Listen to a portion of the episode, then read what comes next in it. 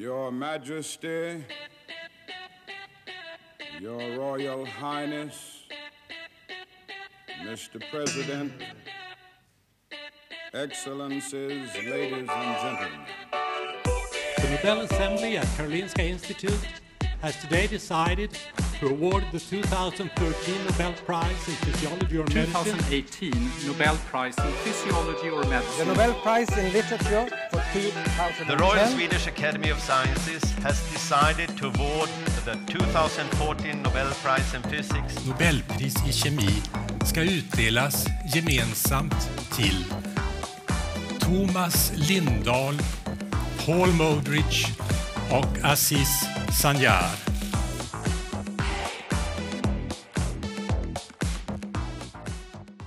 Abi o zaman biraz sonra başlarız da ilk önce Doğanca sen hayatıyla başlayacaksın değil mi? Evet abi ondan sonra ben şey Nobel Lecture falan okurum işte. Öyle Tamam. yeter. Yarım saat öyle mi geçecek? Evet evet sonlara doğru Nobel'den bahsedelim. Ha iyi tamam. Oğlum bu ses ne lan? Aa, şey mi? Kim bu ya? Yine geldi bizimki değil mi ya? Bizim şu cerrah mıdır? Kasap mıdır? O geldi Kim- herhalde yine Kim, ya. kim Alexis Carrel mi bu ya? Terzi gibi birisi vardı ya böyle dikiyor her önüne geleni falan. Ya bu adam kamyonla nasıl üniversiteye giriyor? ya? Yeter ya. Yani adam artık kendine bir şey mi arıyor böyle dikecek malzeme mi arıyor? Bir de, bir de kaydetmiş arıyor? sesini sürekli devam ettiriyor. Bu yok, yok, yok böyle bir adam ya. Mi biz buna bir şey yapalım abi. Nobel'ini verelim de. Bir başımızdan kurtulalım yani. Şey. Ver ver şuna ne, iste, ne, istiyorsa, ne istiyorsa ver abi. Tamam patlat abi. Sene 1912. Alexis Carrel, damar sütürü, kan damarı ve organ transplantasyonu ile transplantasyonu ile Vay vay vay. ilgili yaptığı çalışmalardan dolayı Nobel verilir 5 dakikada dikilir. Teslim edilir. Teslim edilir. evet Aynen. Herkese 10, 10 Aralık'ta merhabalar. verilir 1912'de. herkese merhabalar diyelim o zaman tekrardan. Kasım'da aldım. 10 Aralık'a kadar bekleyeceğim yani. Aynen abi. Görüyor musun? Aylardan Over- Kasım. overlock makinesi bile 5 dakikada yapıyor. Ya bir overlock makinesi olamadın Nobel komitesi. Abi Hemen şunu yap ver ya. bu şey gibi değil mi ya? 5 lira olan 5 lira mermi, merminin fiyatına kadar der gibi olmadı mı biraz hani? Ama şimdi orada da bir şey var. Sonuçta e, Nobel'in Prosedür anısına var. olsun diye 10 Aralık ölüm yıl dönümünde veriyorlar ya. İsterse Ocak'ta belli olsun yine de Aralık'ta Ya veriyorlar abi. hem o var hem de şey var ya bu e, Nobel madalyasının yanında bir de sertifika gibi bir şey veriyorlar ya. Bir de onu her sene özel çizdiriyorlar. Tabii özel çizdiriyorlar. Şimdi o da artık sanatçının şeyine böyle Tabii tabii, canım o ya. ressam şeyi olur ya. Aynen aynen. Hani Daha daha bitmedi. ilham gelmedi bana. Aynen henüz daha bitmedi falan. Ya kardeşim Beni- hadi Beni insanlar altına bekliyor. sokmayın. Ben sanatımı özgürce icra etmek istiyorum diye. Hadi kardeşim insanlar bekliyor diyor ben. Evet o zaman Önemli bir insandan bahsedeceğiz Aynen. değil mi bugün? Kim o? Alexis Carrel. Aynen. İsmini tekte okuduğum için zaten sıkıntı olduğunu Çok anlamıştım. artist bir isim var ama ya. Yok ya tekte okuduğum tek adam ya. Şeymiş aslında Tolga Karel'in amcası olduğu söyleniyor. Zaten Amerika'da tır şoförlüğü de yapıyormuş. Amerika'ya gidiyor zaten bu değil mi? Aynen. Oralarda ne yapıyor kim orada- bilir. Evet öyle şeyleri vardır. Öyle artist bir ismi var. Çok önemli işler yapıyor mi? Bu arada Zaten 1912'de yani bu zamana kadar kötü iş yapan yok. Yani Var.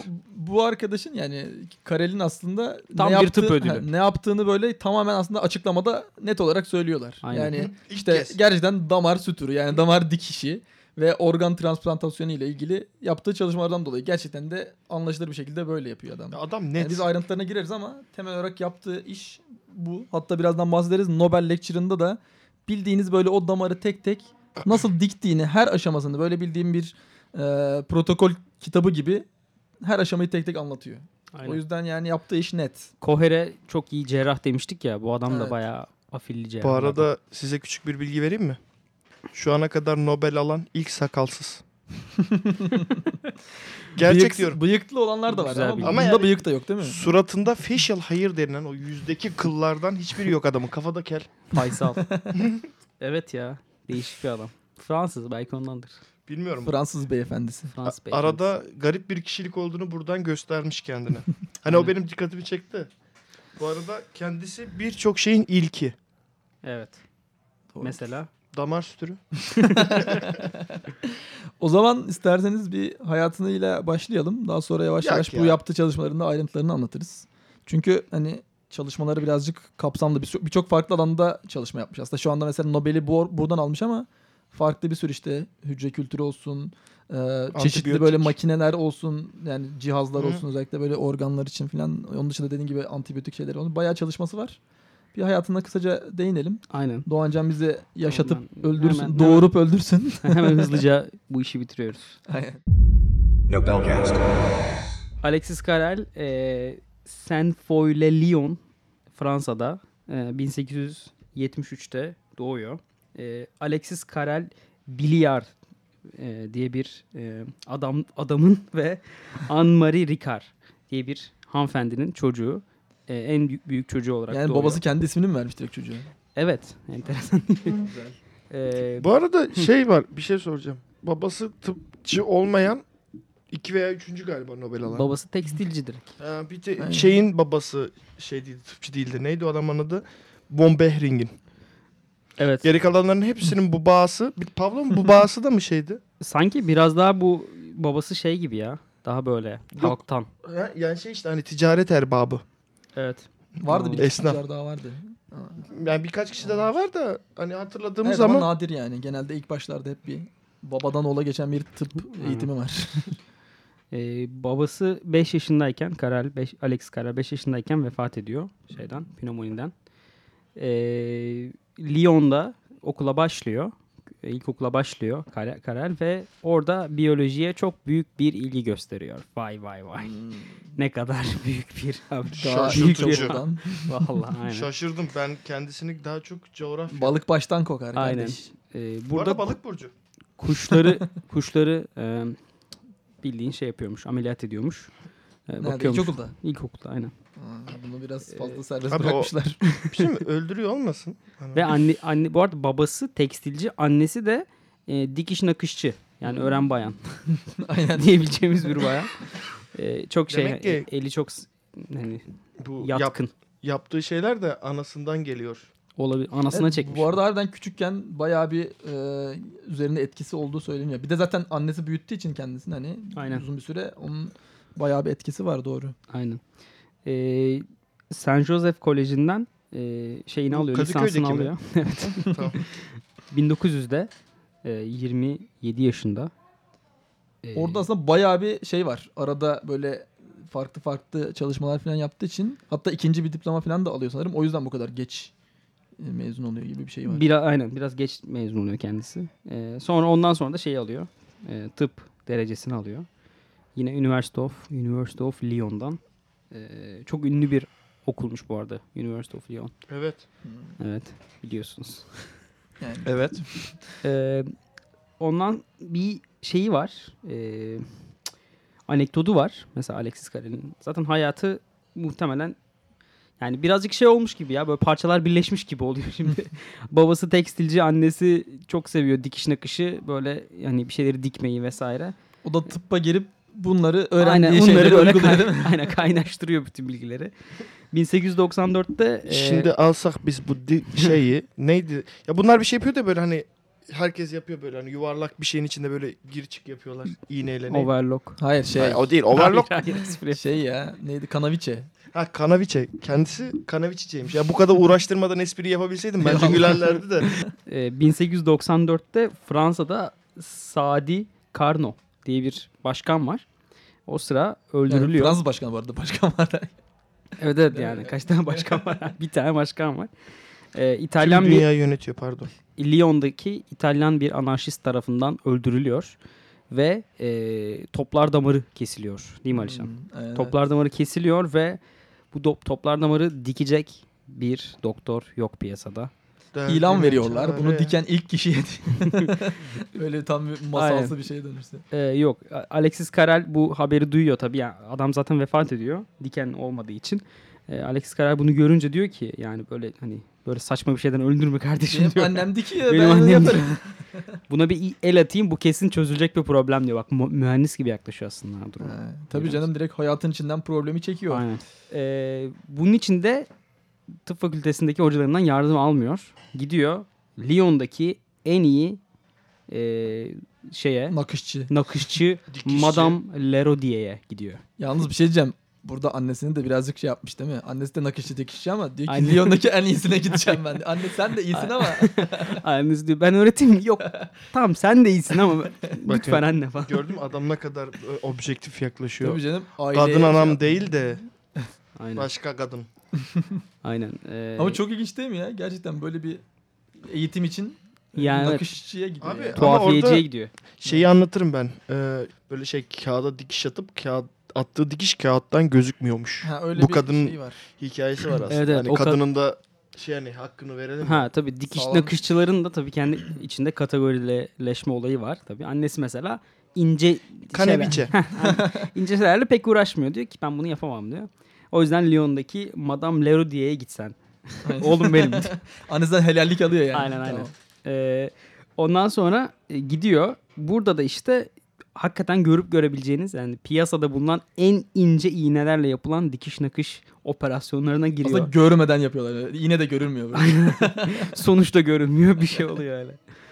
Ee, 1898'de zaten Alişan bahsetmişti bu öğrenciliğin çok uzun Ha, sürdüğünü. evet.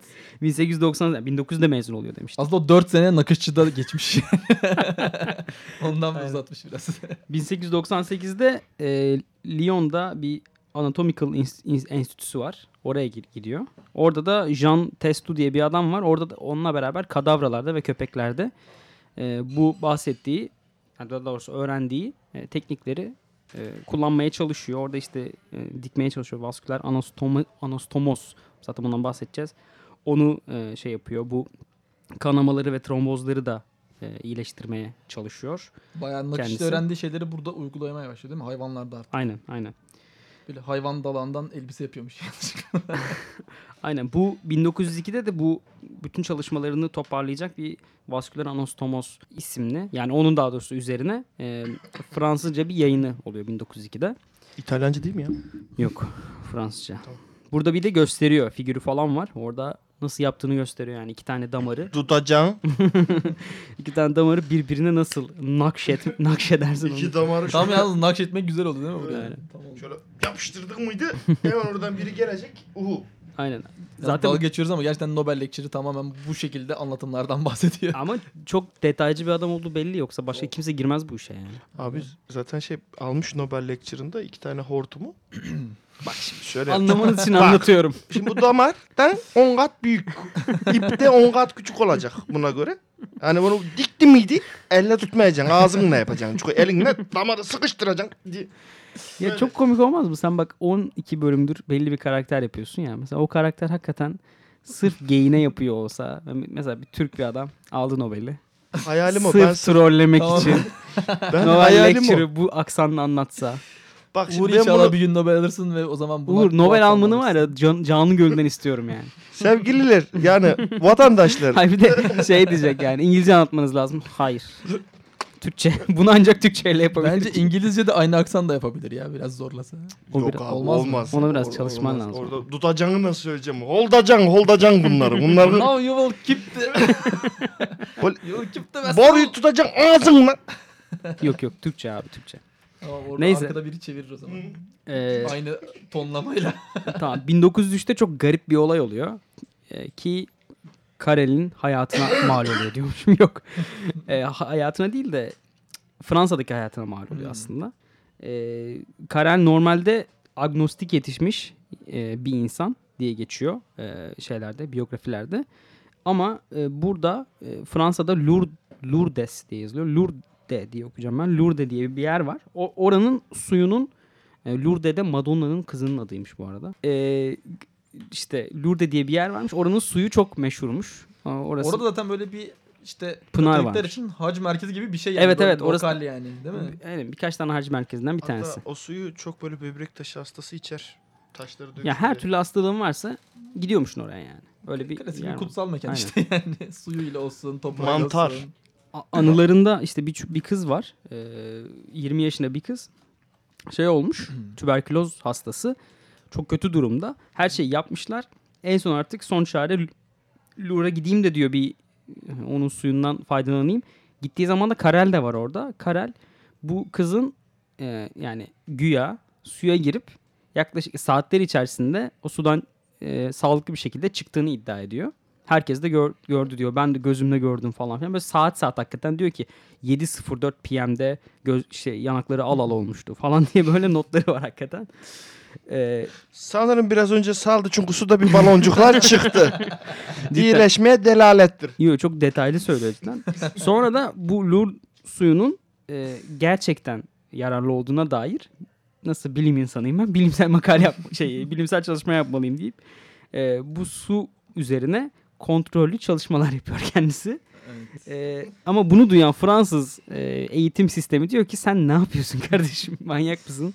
Alalım Karal Bey sahneden. Alalım Karal Bey. Aynen bu Lyon'daki Yalnız ilginç değil mi? Yani bir Hı. normalde bir sürü devlet tam tersi böyle işte dini şeylere yönlendirmeye çalışır aslında bir sürü şeyi. Tabii Yani tabii, bir de hani o- hükümet aslında buradan uzaklaştırmaya bir çalışıyor. de Garip. kutsaldır hani çok Aynen. laf etmek istemezsin Çünkü birçok falan. yerde aslında işte devletle özellikle kilise ya da işte burada şeyler falan Yan arasında yanadır, bayağı evet birlikte hareket ederler ki yani insanlara sonuçta yönetim daha kolay olur o şekilde. Ama Evet. burada karşı çıkmışlar. Burada karşı çıkmışlar. Sen bilimden uzaklaştın artık. Sen kafayı yedin. Ee, sana burada iş yok demişler yani. Ve oradan e, bildiğin hani orada çalı yani Fransa'da çalışma kapıları kapanmış Karel'e. Karel de ne yapmış? Ben Fransızca biliyorum, İngilizce bilmiyorum demiş. Montreal'e gitmiş. Kanada'ya. Kanada'ya gitmiş. Bildiğim yere gideyim demiş. Bu arada çok ufak bir şey değil mi orada? Yani burada aslında mesela hani biz de şu anda işte bu tür çalışmalara böyle şey bakıyoruz ya hani e, bilimsel olmadığını düşünüyoruz ve Hı hı. gerçekten eleştiriyoruz bu, bu tür şeyleri. Ama mesela eğer gerçekten Şüpheci bakıyoruz hani diyeyim. Gerçekten bu tür şeylere kontrollü çalışan bilim insanları varsa hı. isterse dini şeyleri savunsun. Onda hiçbir sıkıntı yok. Aklına... Ama bunu- Pardon. Kontrollü bir şekilde deneylerin yapıyor olması şu anda mesela öyle bir şey yok. Yani hiçbir neredeyse o tür şeyleri Evet. savunan kişiler kontrollü bir çalışma yapmıyor. Evet, Ve yap- belki de kendi zaten onu yapsaydı kontrollü bir şekilde gerçekten sonucun bu olmadığını görecekti. evet evet. Yani, ki, yani ben mesela hani bu tür çalışmaların yapılması taraftarıyım. Yapılsın abi. Herhangi bir ben sıkıntı de ben yok. de. Ama kontrollü bir şekilde gerçekten başka objektif taraflar da şeyinden yani bilimsel olarak yapılsın ve büyük ihtimalle de oradan da zaten yanlış olduğu görülsün diye düşünüyorum ben. Evet evet ben de katılıyorum çünkü yani diye diğeri şey oluyor değil mi? O bu tarz bu komünitedeki insanların bilimsel bir şey söyleme çabası işte pseudoscience dediğimiz şeyle. Evet. Ya terminolojiyi kullanıyorlar ama halbuki altta hiçbir bilimsel çalışma yok. Aynen. Bilimsel metot yok yani altta. Ama yine de hani gerçek bilimmiş gibi e, bahsediyorlar. En azından Evet. senin dediğini yaparlarsa Ve böyle Daha- yapılıp da aslında gerçekten hani yanlışlığı göstermiş birçok e, düşünce var işte bu dini şeylerin daha etkili olduğu konusunda falan yani. evet. Neyse burada küçük bir araya gittik. 1904'te gidiyor şeye Montreal'e. Ondan sonra da e, şeye gidiyor Chicago'ya gidiyor kendisi. Hmm. Aynen. Chicago çalışmalarının atası. Yani asıl büyük çalışmalarını yaptığı bir yer evet doğru. Yani Mon- Kanada'da sanırım onu böyle bir iki tane cerrah görüyor ve onun gerçekten bilimsel yanının güçlü olduğunu hissediyorlar. E, Fark ediyorlar çalışmalarına bakıp ve diyorlar ki seni Chicago'daki üniversitemize alalım diyorlar. Aynen. Chicago'daki üniversiteye e, alıyorlar. E, ondan sonra da burada e, Kayserili Güllü'yle. hayır burada 1904 ile 1906 arasında bir tane e, kankisiyle beraber Charles Charles Guthrie. Charles Aynen. ya da. evet. Ayke Güllü diye bahseder kitapta. Aynen. Guthrie, Guthrie ile beraber tam tamına 20 tane makale yayınlıyor. Çok iyi değil mi ya? İki senede 20 makale. Aynen. Çok Bu arada şey kendisinin yani onun yayınladığı 22 makalenin 22'siyle Guthrie ile yazıyor. iki tanesi kendi. Evet evet. Guthrie ile Hani bayağı, kendisi de bayağı götürüyorlar işi yani. 22. Tabii, tabii.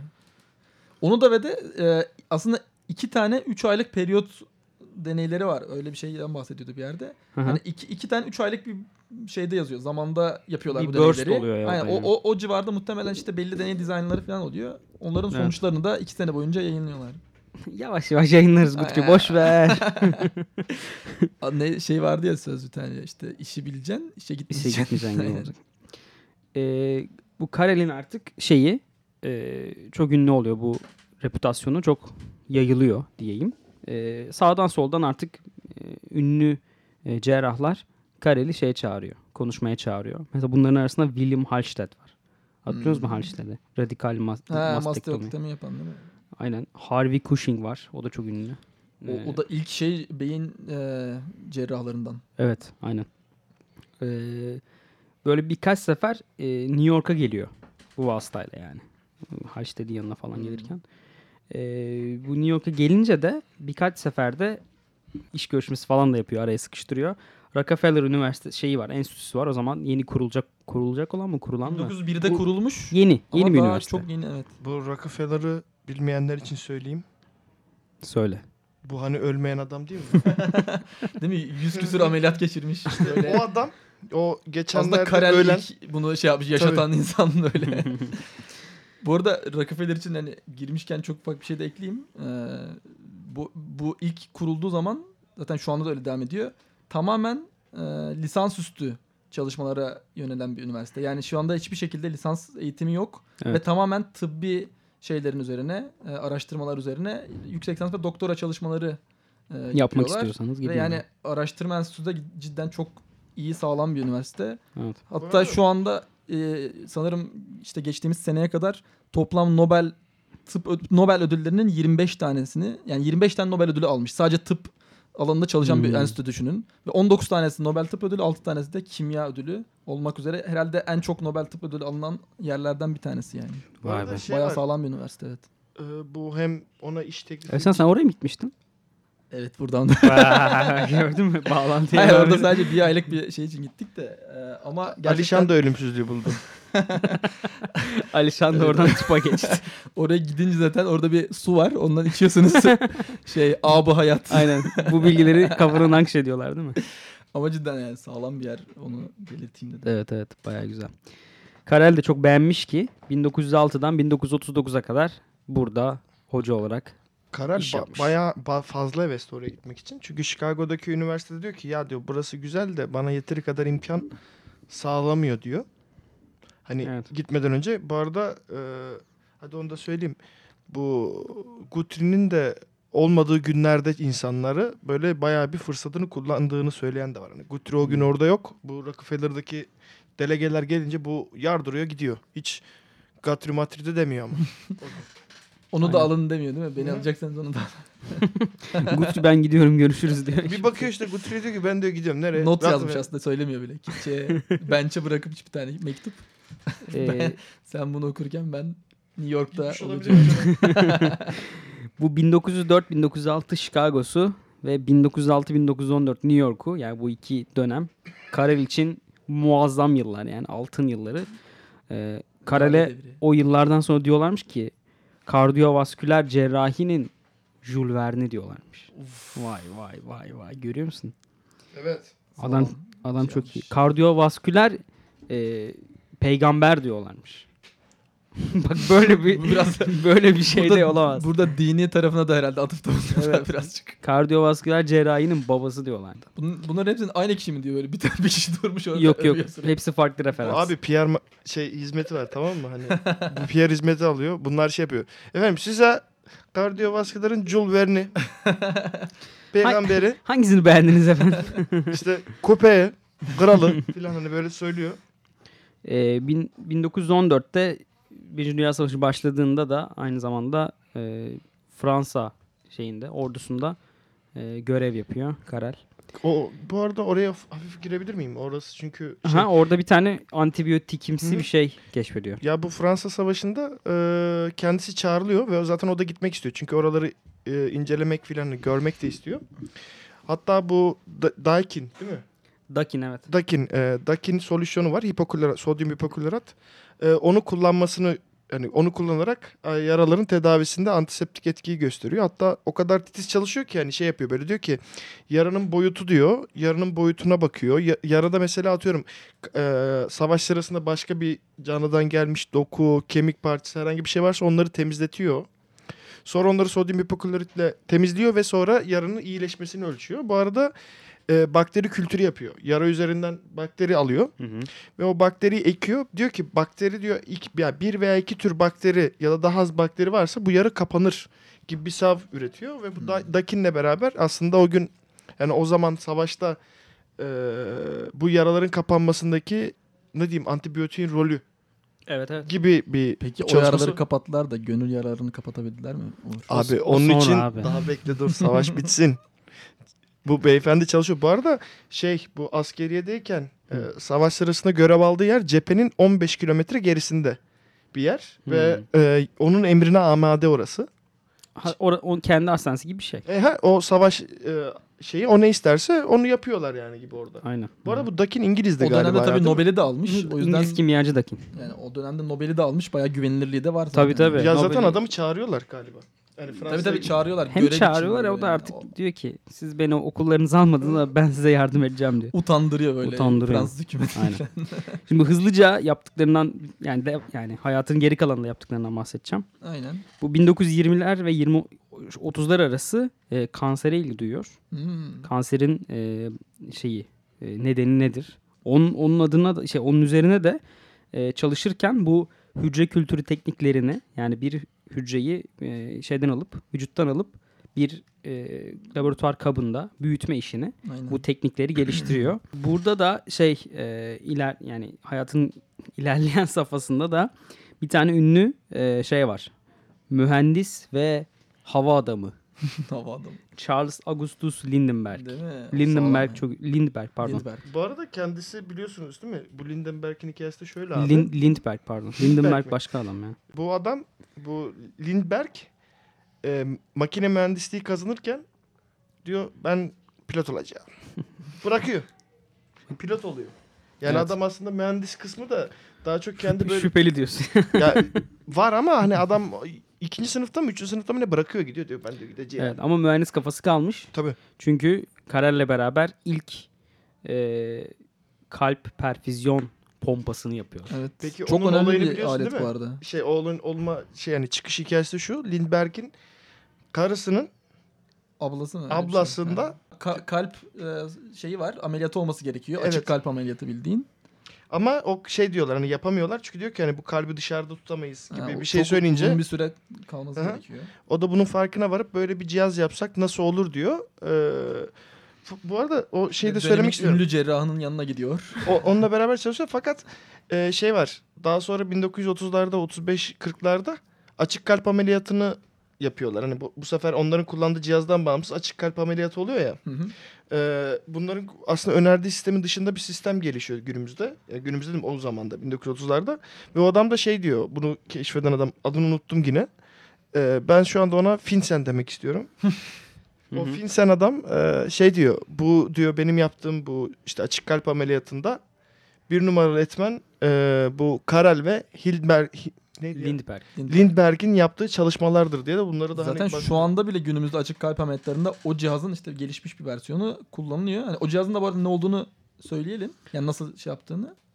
Ee, hani e, temel olarak aslında siz kalbi veya herhangi bir işte dokuyu vücuttan çıkarttığınız zaman orada onun hem gerekli oksijen hem besini alması için yani gerekli kan dolaşımını alması için aslında ana damarlarını, toplar ve atar damarlarını bu dışarıda bulunan işte pompayla e, dolaşım sağlayan bir e, aslında bildiğiniz cihaza bağlıyorsunuz ve orada dolaşım sanki vücut içerisindeymiş gibi devam ediyor. Bu sayede de aslında oradaki bütün dokular, hücreler e, gerekli şeye ulaşıyor besine ve şeye. Böylece uzun süre ameliyatta vakit geçirebiliyorsunuz. Bu arada Böyle lahmacun falan yiyorsunuz ameliyatta. bir şey var. Sadece şunu da ekleyeyim. Bu arada birçok bunlar bir şey e, ne deniyor ona? Krokiyle mi? Taslak makine yapıyorlar. En büyük sıkıntıları da şey şu. Kontaminasyon. Kontaminasyon var bu gece. Organlar hep kontamine oluyorlar. Filtreleme sistemi o zaman olmadığı için. Aynen. Aynen. Aynen öyle yani önemli bir katkısı var Lindbergh'le Evet. beraber. Burada bir spekülasyon var. Lindbergh çok mü- mühendislik yapmadı aslında her şeyi Karel, Karel yaptı gibisinden. Ama Karel şey diyor Ve işte. fikirle gelen kişi de Lindbergh sonuçta. Yani Karel de şey diyor ama. E, işte daha doğrusu Karel'e şey diyorlar. Lind, Lindbergh çok ünlü bir adam ya. Onun Hmm. ünlü kullandı. Hani Lindbergh daha mı ünlü o zamanlar? tabii canım. Ha bu şey- şeyi Bu söylemedik uçak, sanırım değil mi? uçakla Lindbergh bu transatlantik yolu tek başına yani bundan önce giden var. İki pilotla o yol non-stop uçuluyor.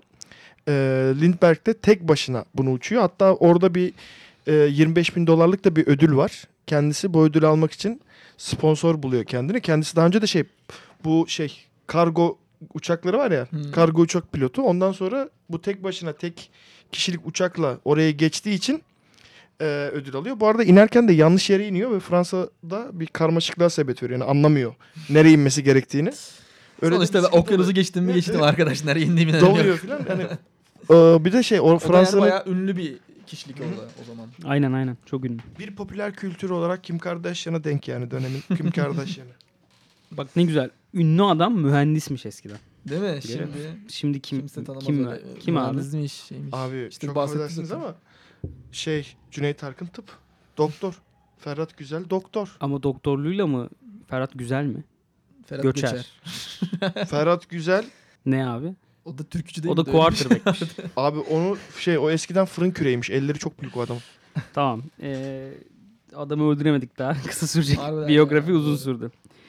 Ee, neyse.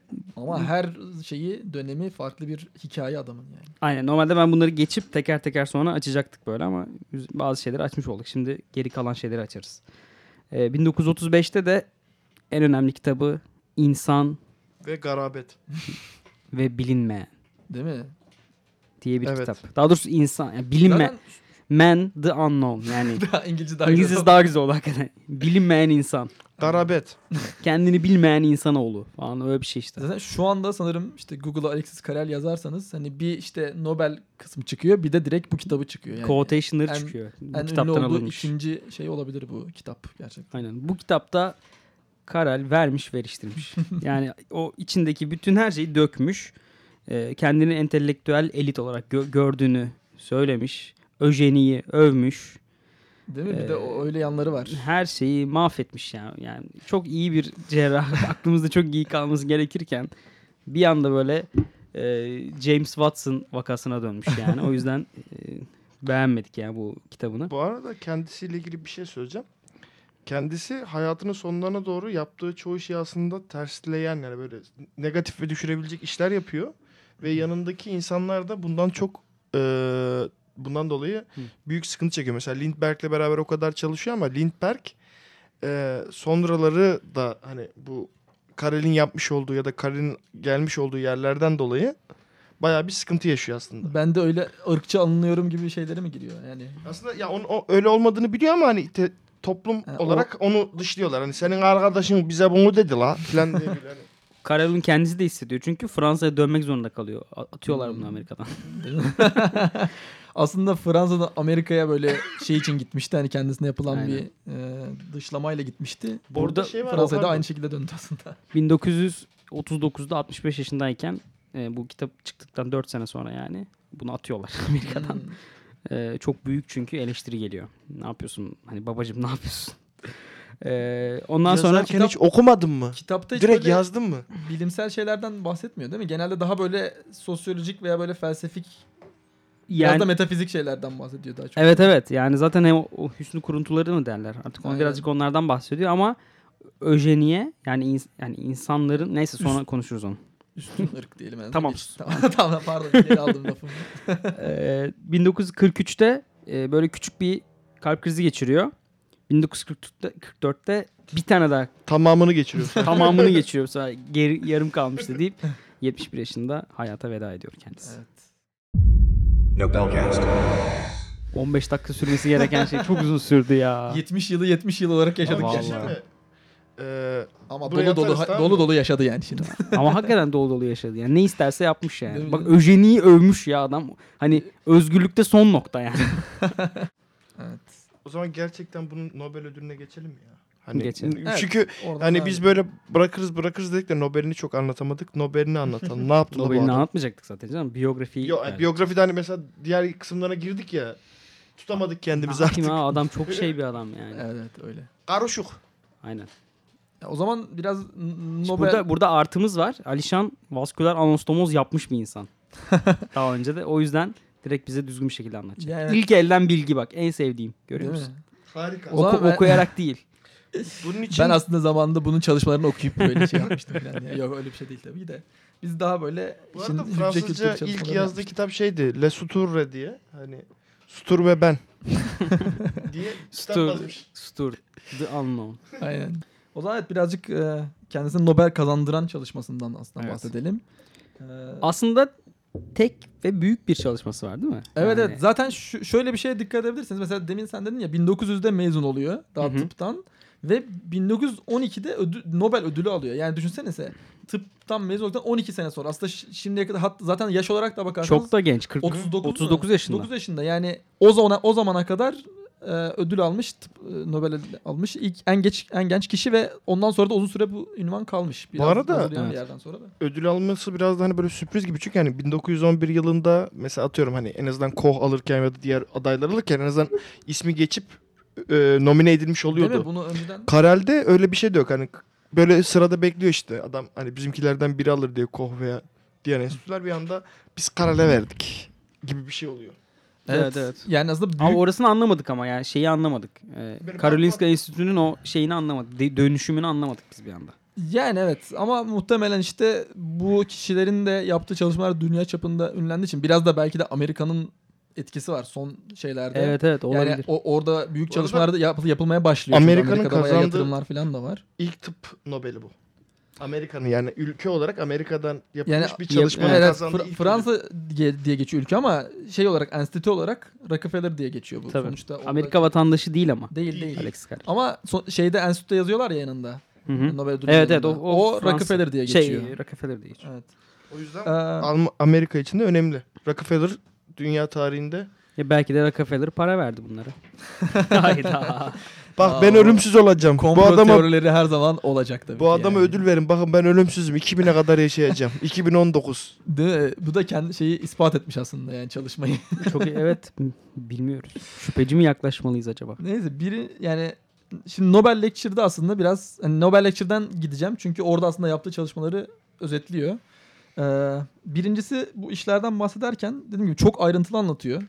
Ee, ve neredeyse birlikte çalıştığı herkese de atıfta bulunuyor. Yani bence güzel bir şey Aynen. konuşmada. Yani dedik ya işte başkaları birlikte bir sürü çalışma yapmış falan. Ee, bir kere çok fazla yer gezmesi hep diyoruz ya bir sürü yer gezip oradan bir sürü şey toplayıp bir yerde de büyük bir çalışma yapmak çok önemli o Hı hı. dönemde.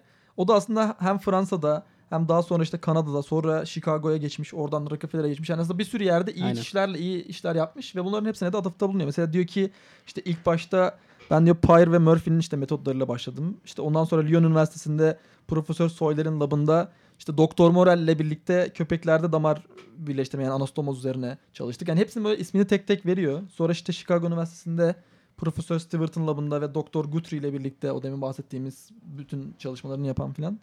Ee, onlarla birlikte çalışmış ve hepsinden de tek tek bahsediyor böyle. Orası bence güzel bir yani iş. Öyle bir bahsetme Yani durumu. bu şeyden bahsedeyim. Lafını keseyim. Ee, Hı hı. Sözünü unutma. Evet. Bu e, Fransa'daki başkan öldüğünde cerrahlar bunu dikememiş ya. Aha. Aslında öyle şey değil. Aa ne yapacağız şimdi falan da bir durum yok ya. Herkes aslında dik, dikiş şeyini biliyor yani. Tabii, aslında. tabii. Öyle cerrahlar öyle şey değil. Böyle çok kaotik bir ortam gibi düşünmeyin mesela Orada o sıra. aslında İki test bir düz müydü? Nasıl dikiyorduk lan? Yani Orada şey muhtemelen denemişler ama olmamış gibi Evet, durum evet. Ya var. aslında şöyle o zaman ön- yani Ben ilk başta düşünmemiştim çünkü. Karel'den önce yine dediğin gibi bunlar dikiliyor ama şöyle şeyler özellikle böyle büyük e, işte ana atar damarlar falan böyle çok basıncın olduğu yerler ya da çok küçük ince kılcal Aynen, damarlar falan onların dikilmesi şu açıdan çok zor. Gö- Birincisi bir kere zaten kendisi de bahsedecek birazdan. E, Damara zarar vermeyeceksin. hem damara zarar vermeyeceksin hem de e, aseptik koşullarda çalışmak çok önemli. Çünkü orada bir iltihaplanma olduğu zaman hem damarı tıkanması hem enfeksiyonla başka yerlere sıçraması falan o tür şeyler çok önemli. Ve Post, de- post operatif şeyler e, Evet, sıkıntı olabiliyor. Aynen. orada. Bir de o damarın ne kadar böyle ince diksen de arada boşluklar kaldığı zaman oradan tekrardan kanamalar ya da böyle o dikişin atması gibi şeyler falan çok oluyor. Çünkü Hı sonuçta oradan sürekli Çok bir sıvı basıncı Basınç geliyor. düşünürseniz yani aslında birkaç teknikle o yapılması zor olan işi yap, yapmış yani ve Evet. bir sürü de denemeyle bunu e, direkt rutin hale sokmuş. En önemli şey o. Yani Ve sızdırmaz yapmış aslında. Hem sızdırmaz hem de tıkanmaz gibi bir şey. Tıkanmaz. İçeride de o önemli. Çünkü orada da bir şey dediğin e, trombosis oluyor Aynen, ya. Yani aynen, o, evet. o olmamasını istiyorsun sen. Yani çünkü orada işte e, hem kan akışının düzgün devam etmesi lazım hem de dışarıya da kanama olmaması lazım. Evet. Bu arada antiseptik deyince bundan önce dikişler yapılırken, sütür atılırken e, el kullanılıyor. Yani direkt adam eliyle böyle laps lups dikiyor. Evet. Laps lups demeyeyim de hani onun bir şey var. Onun bir mantığı var ya. Kendisi de diyor hani senin antiseptik için bunu söylüyorum. Hı hı. Alet kullanarak dikmek yani şey bir e, ortada bir cihazla o dikişi onunla yapmak. Cihaz dediğim de makas falan Aslında yani. onu da her zaman öyle söylemiyor biliyor musun? Belli yerlerde el kullanımı da öneriyor. Ama onun tabii belli koşulları şeyleri falan var. Çünkü e, zar hani aletin özellikle cımbızın falan ucu böyle e, sivri ya. Onlar Evet, da damara zarar verebilir diye bazı yerlerde de elle müdahale etmek gerektiğini söylüyor. Daha yumuşak bir Hı hı. Dokunuş olsun diye böyle tatlı bir dokunuşla. Ee, genel olarak işte ilk başta dediğim gibi bu birlikte çalıştığı kişilerden bahsediyor. Ve daha sonra diyor ki işte Rockefeller'a geçtikten sonra da bu işte o zamana kadar yaptığımız metotları güncelleyip son haline getirdik. Hı hı. Ve 4 yıl boyunca da diyor ki bu tekniğin klinik ve anatomik sonuçlarını inceledik diyor. Bu damar anastomozunun yani damar birleştirme Damar birleştirme. Anastomoz bu demek değil mi? Evet evet, yani böyle bir iki damarı kaynaştırıp birleştirip tek Aynen. bir damar haline getirme gibi bir şey diyebiliriz. Bu 4 yıllık e, araştırmanın sonucunda da biz bu yöntemin güvenirliğini kanıtladık diyor artık. Yani Evet. bu açıdan e, aldığımız sonuçların neredeyse hiçbir negatif etkisi olmadığını gördük diyor. Evet. Ve bu tekniği aslında anlatıyor. Şimdi bu te- tekniğin ben tabii hepsini anlatmayacağım da te- temel özelliklerinden bahsedeyim. Ee, birincisi zaten demin bahsettiğimiz gibi en üst düzeyde aseptik çalışma çok önemli diyor. Çünkü mesela bazen siz orada işte küçük enfeksiyonlar hani damarı dikmenize engel olmayabilir diyor. Ee, orada damarı dikersiniz siz diyor ama daha sonradan orada o birikmeler yüzünden gittikçe damar tıkanıp sizin o sırada fark etmediğiniz şey yıllar sonra tıkanıklığa ve belki de Evet. onun işte şey olmasına yol açabilir. Yani kısa vadede izliyor. kısa Aynen. vadede iyi olan şey uzun vadede kötü olabilir. Aynen. O, o yüzden aslında şöyle bir tane de ön şartı var. Ee, diyor ki bir kere enfekte olmuş yaralarda damar dikmeye çalışmayın. Birinci şart bu. Yani eğer orası gerçekten bir enfeksiyon kapmışsa önceden yani önce onu temizleyin, onu yok edin. Ondan sonra damar çalışma dikme işlerine girin. Eğer Evet. enfeksiyon kapmışsa çok da yapacak bir şey yok diyor o, o açıdan. Onun yanında e, yani çünkü orada aseptik koşulları sağlayamazsınız. Siz dışarıdan ne kadar O ilk bahsettiğim kuralı bile- zaten sağlayamıyorsun. Aynen direkt oradan birinci şey bu. İkincisi e, diyor ki şimdi aslında sanırım bu tekniğin en önemli yanı damarları e, belki de gerçekten terzi dikişinden bunu şey yapmıştır. Şimdi damarların iç yüzeyi biliyoruz ki endotel hücrelerle kaplı. Aslında o pürüzsüzlüğü sağlayan ve damarın işte o esnekliğini ve şeyini sağlayan e, Bebek hale- popolu olur. Aynen bebek poposu kıvamını sağlayan şey iç yüzeydeki o endotel dokular. Dolayısıyla dış- diyor ki mesela o zamana kadar yapılan bütün o yani bütün değil de çoğu damar dikme çalışmalarında dış katman birleştirilip iç yüzeye çok bakılmıyor diyor tamam mı? Tamam. Ve bu yüzden de o içerideki endotel hücreler birbiriyle birleşmediği için e, orada bir yara dokusu oluşuyor ve orası tıkanıyor ya da sızdırıyor bir şekilde birleşmiyor. O yüzden bu iki damar aslında böyle manşet gibi hani böyle kolu katlarız ya gömlek kolunu. Hı hı. O şekilde dış yüzeylerini önce bir e, dış katmanı böyle soyup onları dışarı doğru e, katlayın Açar, diyor. Ve ondan sonra o içerideki endotel yüzeyin iki bölgesini birbirine dikin diyor dışarıdan.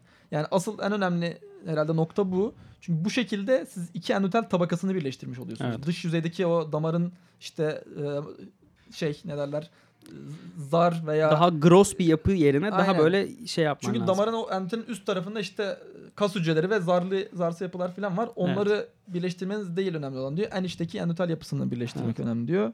Ve onun dışında da e, tıkanmayı engellemek için tüm kullandığı aletleri vazelinle kaplıyor. Çok Ee, hem bu işte herhangi bir şekilde o sivril yani sert bir basmayı engellemek için hem de bir e, bir şey birikmesini engelleyip orada kaygan bir halde olsun diye vazelinle kaplıyor ve damarın çalıştığınız bölgesini de diyor ki hafifçe vazelin ve belli yerlerde sürekli bir ringer solution var. O zaman işte böyle bir e, şey yapan pH'i MH'i ayarlanmış bir solüsyon sıvı. O sıvıyla sürekli ıslatın diyor ki çünkü damarın o bölgesi kurursa işte iç yüzeydeki endotel hücrelerde birikip orada şey yapabilir. Tıkanmaya yol açabilir diyor. Ee, yani genel olarak nemli tutup bir taraftan da vazelinle kaplayıp her tarafı böyle rahat çalıştırır bir şekilde sokun diyor. Ve onun dışında da işte kullandığı böyle iğne numaralarından tutun ipliğin böyle cinsine kadar, inceliğine kadar her türlü şey veriyor. Ama bu dediği şeyler de hani in, ip numarası, şey iğne numarası ve ipliğin cinsi de aslında onun başarısının diğer bir faktörlerinden yani. E, Tabii tabii zaten çok ince hani demiştik Zaten ya. o endotelleri nasıl ayıracaksın? diye Yani o, o çok ince dikişleri tabii ki pratikle bayağı bir yapman yani uğraşmanız Hı hı. gerekiyor ama e, sonuçta o, o ayrıntıları bile veriyor Nobel Lecture'da. İşte her e, damarın inceliğine göre, kalınlığına göre, basınca göre, ata, arter mi yoksa toplar damar mı ona göre falan böyle bunların hepsinin ayrıntılarını veriyor. Hatta şey bile diyor böyle e, damardaki o incecik ipliği rahat görebilmek için çalıştığı yerin altına siyah ipek bir Hmm. havlu bile koyuyormuş. Yani sırf o Aynen. incecik beyaz şey iplik görünsün diye rahat bir şekilde. Bu tür benzer teknikleri Aha. ince ince anlatıyor ve diyor ki biz bu tekniği yıllardır uyguluyoruz ve kesinlikle hiçbir sıkıntı yaşamadık şimdiye Aynen. kadar. İstatistiklerini falan da veriyor. Bayağı başarılı şeyler elde etmiş. Yani aslında bir protokol Nobel'i gibi bir şey bu. Yani bir teknik geliştiriyorsunuz siz orada. Aslında bak e, normalde diğer bölümleri düşünürsek hep böyle diyoruz ya e, hayat başarısına ödül verilmemeli falan filan. Bu daha az hayat başarısına ödül verilmiş direkt gibi. belli bir çalışma değil mi evet, böyle net? mesela Hı hı. tak diye hani Ya şey çalışmalar arasında böyle bir önceki ödül de öyleydi bence. Evet. E, ya bu net yani şu çalışması gerçekten hani şunu yaptı diyebiliyorsun yani direkt. Ama diğerlerinde de hani mesela atıyorum şey düşün abi. Ee, Rus vardı ya adını unuttum. Pavlov. bile. Pavlov mesela. Pavlov'da hani diyebileceğim şey sindirim sistemi hakkında. Çünkü sindirim sistemi yok Ama o zaman. orada da çok orijinal deneyler vardı tabii Çok de. iyiydi o ya. O iyiydi yani. Aslında çok Şimdi, iyi. Onu Pavlov'u analım. Düşününce şey bak yine tüylerim diken diken oldu ya. Ya cerrahi teknikler, ya cerrahi alınan Nobel'lerde sanırım hep bu var. Belli bir teknik geliştirme durumu var değil mi? O Ama o şeyleri çok- görmek çok enteresan. Bak biz doktor değiliz ama en azından o şeyi oradaki dahiliği görebiliyoruz yani. Evet. Hani Aa bak şunu şöyle yapsan daha aslında kolay olur. işte Yani. daha hızlı olur vesaire. Onu görünce ha, bir doktor olduğunu düşün ya da bir cerrah olduğun için daha çok daha kafayı da yersin şey muhtemelen. Evet. E, daha ne derler? Takdir edersin. Takdir edersin. Bravo aynen. Bir de burada şöyle bir şey de var. Ee, önemli va- önemi var bu çalışmanın. Hani biz hep damar dikişi diye bahsediyoruz ya bundan. Aslında elbette bir e, damar ameliyatı çok önemli kendi başına. Ama bunun bir de şöyle bir e, etkisi var. Mesela siz bu damar dikişi sayesinde aslında büyük bir organı direkt e, hani demiştik ya Nobel şeyinin organ transplantasyonu diye. Büyük bir organı dışarıdan vücuda nakledebiliyorsunuz. Çünkü siz o organı normalde nakletmenizdeki en büyük problem o zaman mesela vücudun içine koyduğunuz zaman oraya gerekli ol- dolaşımın sağlanmaması yüzünden oradaki hücreler, dokular bir süre sonra ölüyor. Ve e, hiçbir şekilde vücuda, organizmaya yani dahil olamıyor. Ama siz oradaki ana damarları ve böyle belli işte asıl beslenmeyi sağlayan damarları vücudun damarlarıyla birleştirebilirseniz bu Aynen. işte ince dikişleri sağlarsanız o zaman o dokunun içerisine de kan gidiyor. Aynen. Ve bu şekilde aslında siz o organ naklini de yani çok büyük bir olayı aslında başlatmış oluyorsunuz. Yani Ve- fikir orijinal değil. Yapmak orijinal. Tabii ki. Teknik orijinal. Ve tekniğin sonucunda da o büyük fikre de bayağı hani hani organ naklinin gerçekten başlangıç aşaması bu şekilde oluyor. Denemeleri Yani hayvan, oluyor. Hayvanlarda oluyor. Ama sonra kendisi şeyin farkında değil mi? Bu kendi metodu uygun ama başka bir şey var bunun içinde diyor tutmamasının sebebi. Evet zaten herhalde 1930'larda 40'lardan sonra ancak tam olarak bu organ nakli şeyleri yapılmaya başlanıyor ama ya sonuçta bence çok büyük bir adım bu. Tabii tabii çok ya en büyük adımlardan biri bu. Ee, sadece şey diyorum hani kendisi aslında bu organı oraya yerleştirebiliyor tekrar implant Aha. edebiliyor. Fakat şimdi bu doku uyuşmazlığı dediğimiz Tabii, yapıyla o zaman karşılaşıp şey diyor. Ha diyor burada diyor benim diyor modelim değil. Aynen. Burada diyor Beni başka bir aşan şey var. şeyler var. Ha, ben diyor bunu bilmiyorum ama bu benden değil yani. Yani evet aslında şey de var hani böyle e, o doku uyuşmazlığı falan muhabbetleri olsa da başarılı olduğu denemelerde elbette var. Aynen. E, o yüzden gerçekten organ nakli için önemli bir yani büyük bir adım.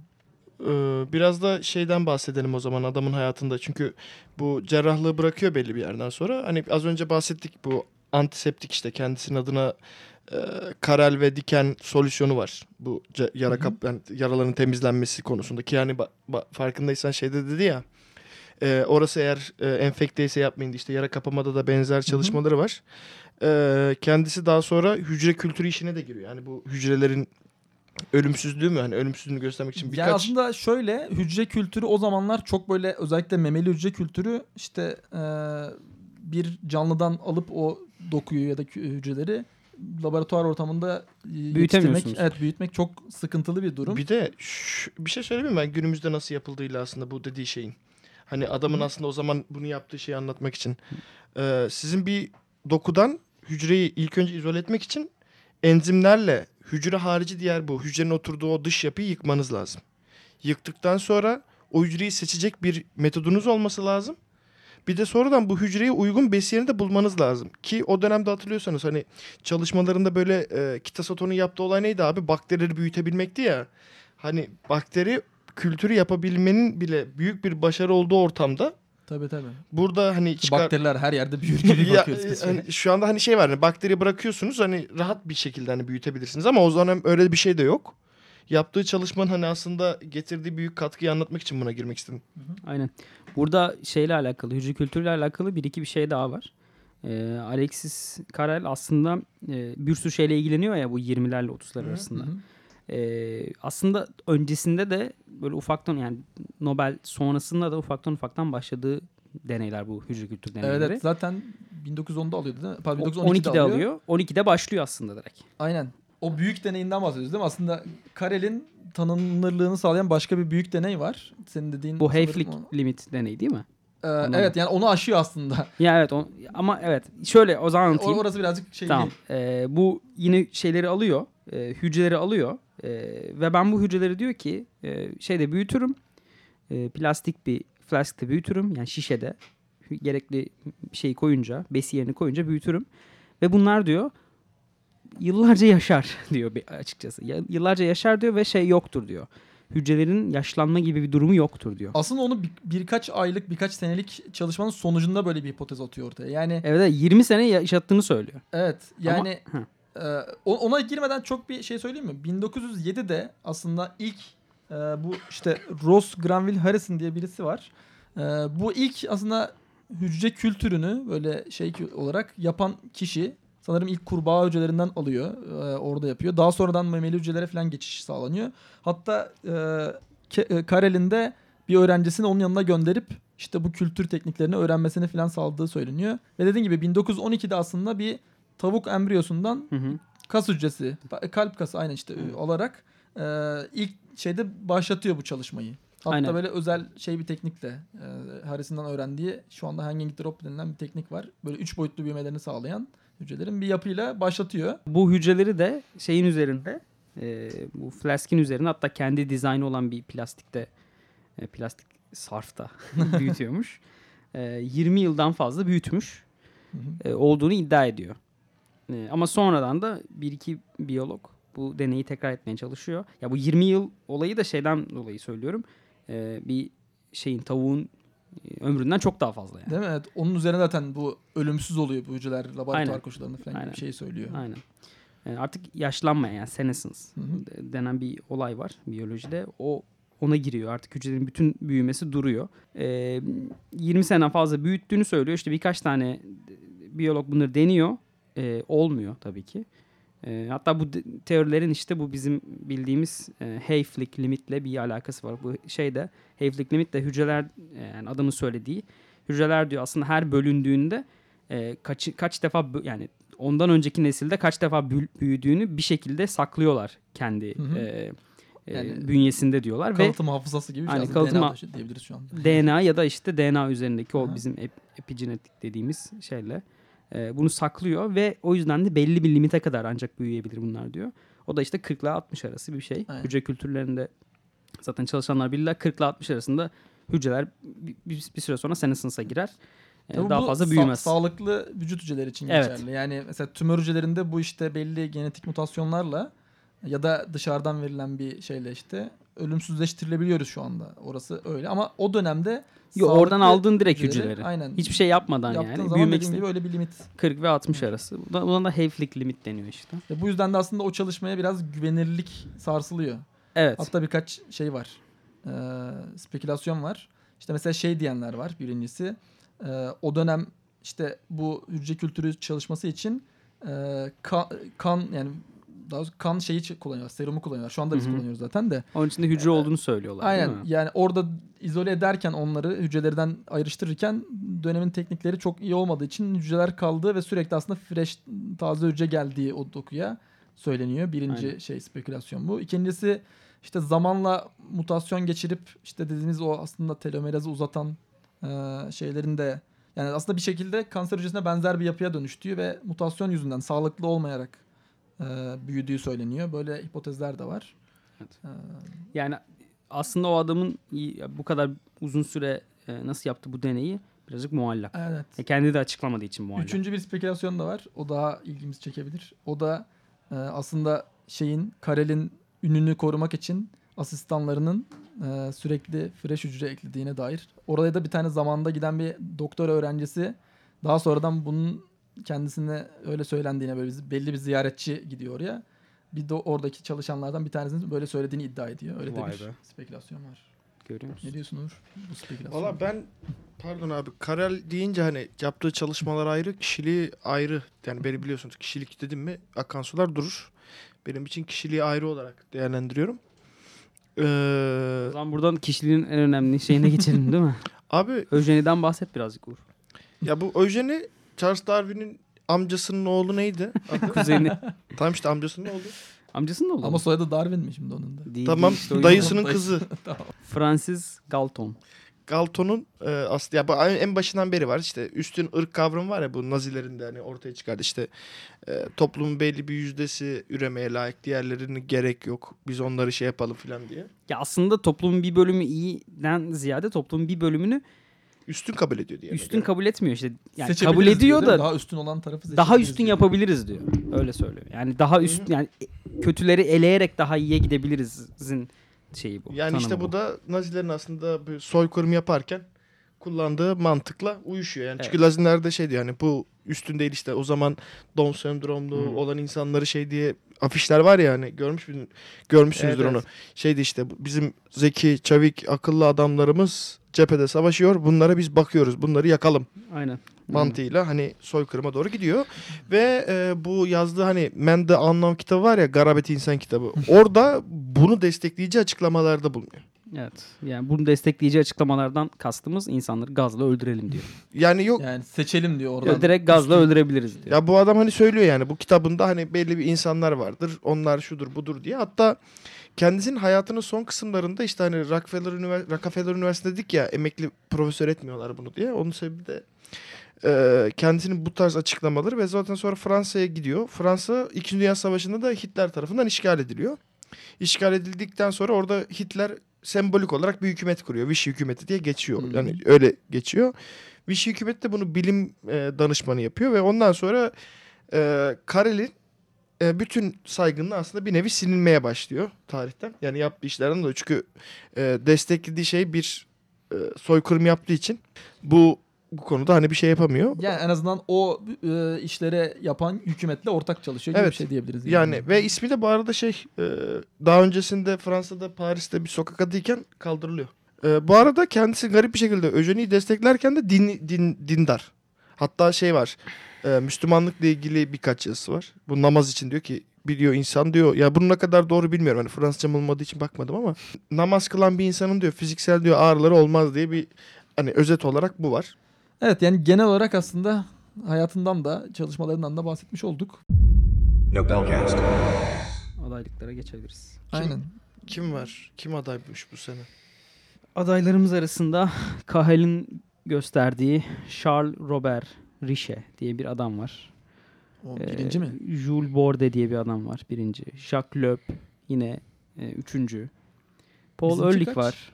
Yine Örlik. O gerilerden. 4 puan almış. 4 oy almış yani kendisi. Ee, bizim Alexis Karel yalnızca bir oy alıyor. Ve yaklaşık şu an Onu da sayamadım ama acaba? 25. falan oluyor bu da yine galiba. Ee, durum böyle. Yani yavaş yavaş adaylıklar daha az ilgi çekici olmaya başlıyor arkadaşlar. bu bölümü komple iptal bile edebiliriz. Niye? Bence aslında ilgi çekici. Çünkü düşünsene bir oy almış o kadar kişinin arasında ve yine de ona vermişler. Demek ya ki bu bak çalışma her bölümde aynı şeyi söylüyor gibi hissediyorum ama yani niye bu insanları o zaman davet ediyorsun da sonra gidiyorsun başkasını seçiyorsun? Yani düzgün heterojen dağıt o zaman. Seçilebilecek kişileri dağıt yani. Aa, ya ama sonuçta o adaylıklar için çok ayrıntılı raporlar istemiyorlar. Ayrıntılı yani o adaylıklar geldikten sonra onlar hakkında ayrıntılı araştırmalar yapılıyor. O yüzden de Tamam. sonradan açığa çıkıyor belki. Tamam yani. ama yine de yani bir oy almasıyla 10 oy, oy öyle alması canım, fark olması var. lazım yani. Evet o zaman şeyleri söyleyelim mi? diğer, bu Kazananları sene söyleyelim, evet. diğer Tamam. kazananlar kimler? Ee, Gerhard Johann Abi bu iki kişi mi tek kişi mi şimdi? Allah'ım ya Rabbim. Gerhard Bir Johann kişi çünkü price yeri bir diye. Hayır işte biri ona gitmiş diyor, biri ona gitmiş. Bak seyircilerim karar verin. Bir yazarsanız iki isim, iki yazarsanız yine iki isim. Yani ben kazanacağım. Gerhard Johann Robert Hauptmann. Adamın bir şey bu literatür mü almış? Abi adamın kendi isminde bile uyak var ya. Değil mi? Demek evet abi görüyor musun? Gerhard Johann Robert Adam olacak Hoffmann. çocuk. Abi meyveli, çeşitli aman Allah'ım yapımlı bir gerçeklikle dramatik sanat yapmış kendisi. Yani ismi bile sanat. Müthiş. öyle. Elihurut Barış ödülü kazanıyor. Da Elijah Wood'un şeyi amcasının, amcasının hey, dedesi. Fizikte 1912'de Niels Gustav Dalin fenerlerin ve şamandıraların aydınlatmasında kullanılan gaz akümülatörleri ile beraber kullanılan otomatik regülatörlerin bulunmasından dolayı. Mü- müthiş ya. ben, Yani ben ne yaptığını anlamadım ama çok güzel şeyler yaptığı kesin. 1912 kimya ödülü burada iki kişiye gidiyor. Evet. Grignard reaktifinin keşfi için Viktor Grignard ki adını vermiş. Vay görgüsüz demek Helal istiyorum. Ee, Pa- Paul Sabatier'de organik bileşikleri hidro- hidrojenlendirme yöntemiyle yani bu yöntemi bulduğu için e, bu ödül alıyor. Çok iyi. Şey değil mi ya? Normalde hani iki kişi olsa bile hani benzer yani aynı alandaki çalışmalardan verilir ama burada biraz farklı. Gerçi çok anlamadığımız Yok çok olmuyor ya. bilgidir yani. Böyle oldu da oluyor. Ha, olabilir o zaman. Yakın zamanda bile oluyor öyle. Hmm. Evet. Bütün diğer ödülleri de söyledik mi? O zaman o bir ödül alan adam 1913'te ödül aldı mı? Yalan. Charles Robert Richet anafilaksi ile ilgili çalışmalarından dolayı 1913'te Nobel belasına bulaştı. O da Fransa'dan. Evet. Evet. Fransa arka arkaya geliyor. O zaman Teşekkür gelecek- ederiz. Görüşmek üzere o zaman. Teşekkür- Teşekkürler. Görüşmek üzere. Teşekkürler. Hoşçakalın. Hoşça kalın.